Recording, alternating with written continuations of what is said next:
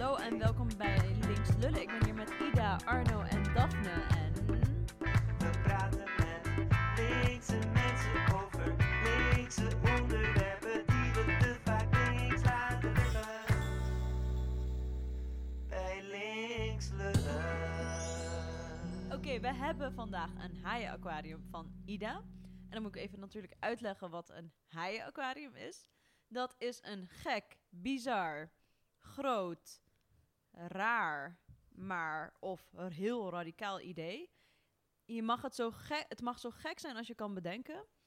En eh, nou, we hebben één pitcher, dat is Ida. En eh, wij, de jury, dat zijn eh, Arno, Daphne en ik. Wij gaan daarop reageren en wij gaan ja, laten weten of wij daar onze tijd, energie en activisme in willen stoppen. Of dat we het ide- idee überhaupt wel wat vinden of accepteren als het als in een, ja, in een ehm, utopische wereld zou ingevoerd zou worden. Eh, dus Ida, brand los.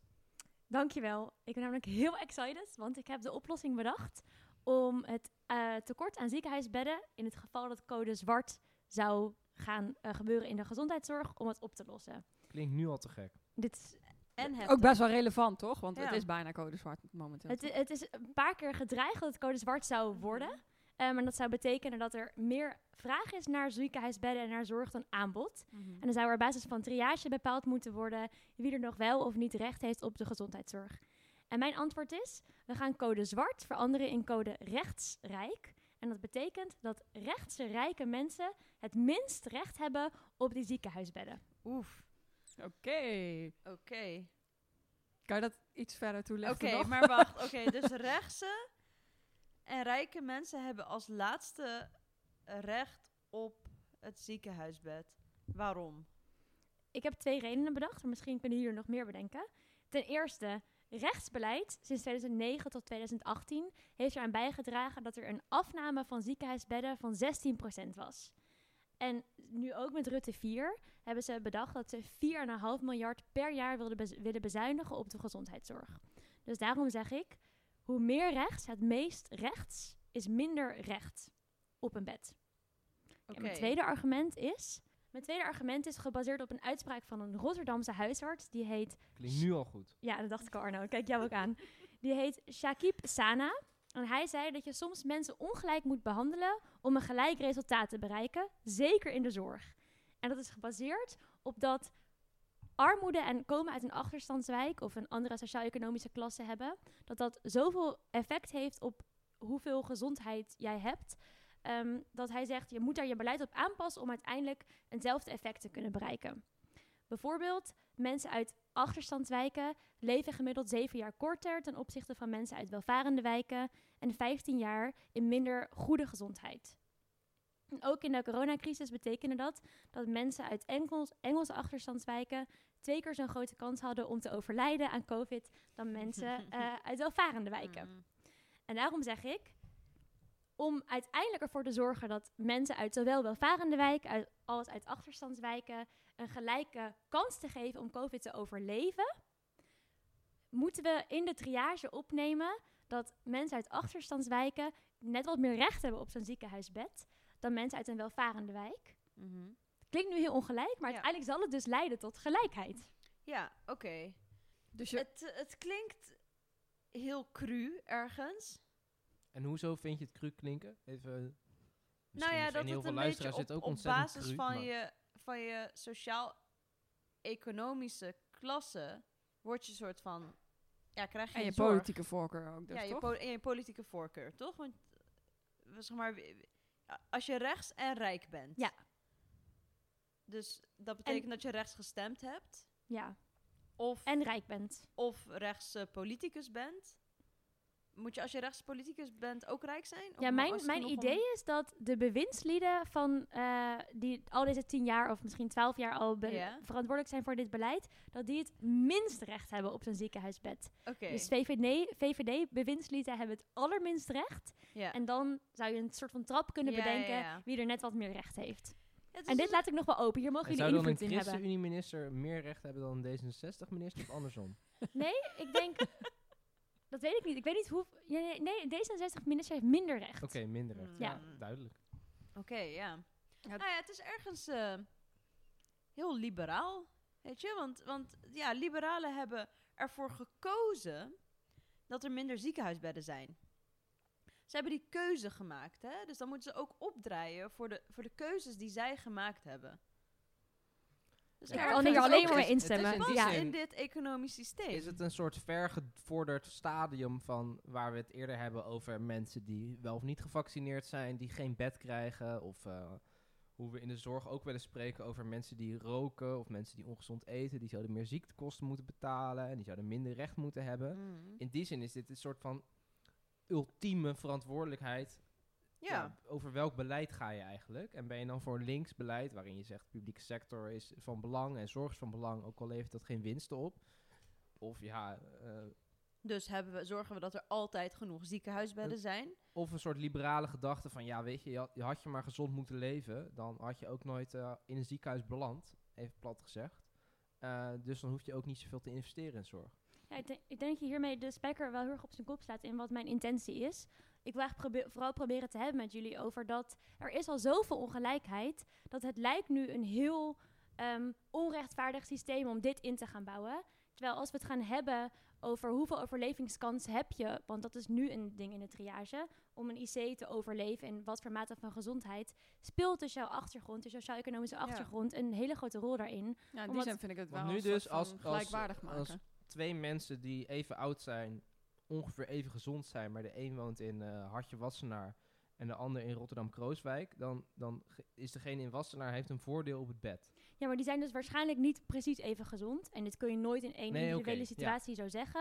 Maar voor het algemeen zou iemand uit Moerwijk, uit een arme wijk in Den Haag, minder gezond zijn als iemand uit Wassenaar. En omdat hij dus minder gezond heeft, is, is- zit hij nu in de triage lager, hoger, Ja. ik weet niet hoe je het bekijkt. Dus om dat gelijk te trekken, zou je kunnen zeggen, gaan we die juist meer zorg geven, want die is ongezonder zonder dat hij daar Klopt. zelf misschien En iets aan heeft kunnen Dus doen. dit idee klinkt heel absurd en heel ongelijk. Maar ik zou eigenlijk willen stellen, door dit niet te doen, gaan zijn we heel ongelijk bezig. Dus Eigenlijk- deze factor meenemen creëert meer gelijkheid. Dus de eigenlijk is het triage. een Ja. ongelooflijk genuanceerd voorstel wat je hier doet. Ja. Bedankt. Ja, ik vind het cru en naar klinken, maar ja, het is toch wel interessant. En het, la- het laat wel gewoon ook vooral de gezondheidsverschillen zien natuurlijk. Dat is natuurlijk bizar dat als jij eh, een lagere klasse eh, bent, eh, economisch gezien, dat je dan 15 jaar slechtere gezondheid leeft. En 7 jaar korter, toch? Dat is natuurlijk absurd. En ook wat je zegt, dat, dat je in Eng Engelse ar- arme wijken, dat je twee keer zoveel kans hebt om dood te gaan aan COVID. Dat is natuurlijk absurd dat dat zo'n verschil maakt. Dat is gewoon heel naar. Ja. En dat ook nog eens het rechtse beleid ervoor heeft gezorgd dat we te weinig zorg hebben. Dat we niet alles kunnen doen nu om, dit, om die COVID eigenlijk eh, ja, en, en iets aan te doen. Dat is gewoon naar. Daphne, daarom vind ik het echt een heel goed idee. Maar vooral, vooral omdat het zo'n fuck you is naar, naar, naar, het, naar het liberale gedachtegoed. Van de keuzes die jij maakt, die hebben invloed op, op jouw leven. Zeg maar. Dus als jij goede keuzes maakt, dan, ja, dan, dan kom je alleen maar verder. Die rechtse politici van Rutte sinds 2009, zij hebben gewoon de politieke keuzes gemaakt dat wij nu zeg maar, bijna te maken hebben met code zwart. Zij zijn daar verantwoordelijk, zij zijn daar verantwoordelijk voor. Dus zij mogen er ook voor opdraaien.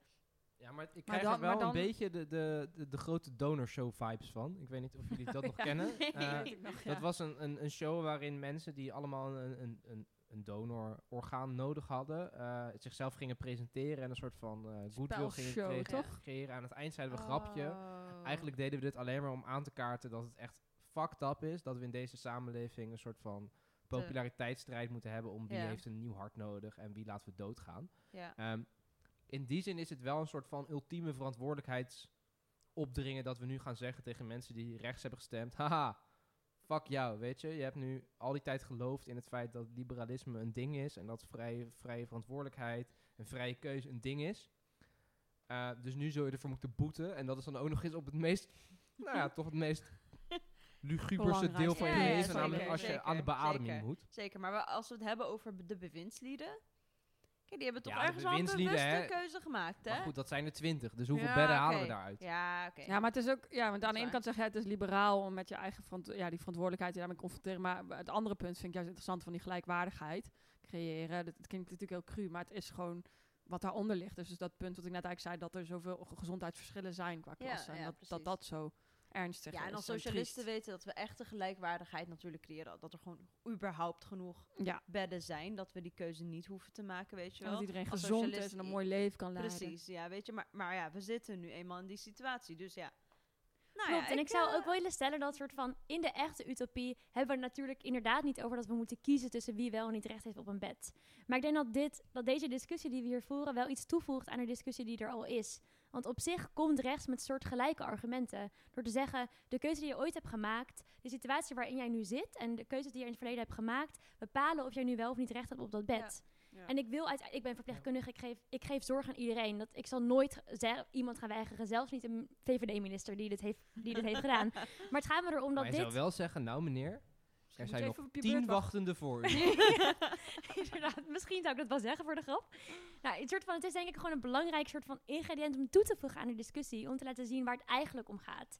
En ik denk dat dat is Ja. vooral het ding wat ik hiermee wil. En in die zin ook om de rest eh, bijna te ridiculiseren. Dat als het gaat over vaccinatie of niet vaccinatie, ja, dat heeft zo'n veel mindere impact op, op de uiteindelijke zorg als geheel dan rechtsbeleid van 12 jaar Rutte. Ja. Ja, Eh, dat heeft veel meer impact gehad op hoeveel plekken er zijn in een ziekenhuis. dus echt Ja. Dan veel of meer een individu gehad. heeft besloten ja of nee te gaan vaccineren Ja, vanwege ja. allerlei eh, redenen, om wat dan, wat dan ook. Ja. Precies. In die zin is het misschien juist het beste tegenargument tegen die hele verantwoordelijkheidsgevoel met, oh, ik, jij, jij rookt, dus nu moet je maar op de blaren zitten hiervan. Precies. Ja. En daarom zou ik het al eigenlijk genoeg vinden als we puur de naam veranderen. Dus code zwart wordt code rechtsrijk. Ja, de inhoud. Oké, we kunnen een Moeten we andere er nog discussie even hebben of we over het echt gaan doen of niet. Ja. Maar ik stel voor De dat we echt de naam veranderen. Ja. En dat we de discussie blijven voeren over de inhoud. Ja. Maar die naam, die moet sowieso veranderd worden. Ben ik het mee eens. Dus, eh Daphne, wil jij hier je geld, eh Ik- ik vind tijd, het een eh, mooi- en- Geld. Wat? Geld? Ja, energie en activisme. We gaan even over naar een echte Shark Tank. oh, oh, oh, oh, dat gaat niet goed. Ja, maar wil, je- wil jij hier je geld, tijd, energie, activisme... Nou, eh, niet alles, maar ik vind het wel een interessante discussie. En ik ga het zeker in mijn omgeving, deze discussie ook aan. Dat het gewoon schuld is van rechtskapitaal. Arno. Ja, Lego. Dier. En eh, En Ja, moet je ook ik- nog wat zeggen, Dior. Probeer er onderuit te komen, hè? ja, dat is wel makkelijk. nee, ja, ik, ik ook, denk ik. Want ik denk ook dat het is gewoon een koekje van eigen deeg. Zing ik, ja. Let's go. Mooi. Oké, nou. Yay. Het, het idee van Ida is aangenomen. Ik ben heel benieuwd naar wat, de, wat jullie vinden, luisteraars. Ehm, laat ons weten ehm, of je hier ook je tijd, energie en activisme in zou steken. En als je Doneren mag zelf- ook hoor. Wat zei je? Doneren mag ook. En als je zelf nog een leuk haaiaquarium idee hebt, dan eh, stuur het vooral op naar ons. Ja, zeker. En dan wil ik jullie heel erg bedanken voor het luisteren. Linkse mensen over linkse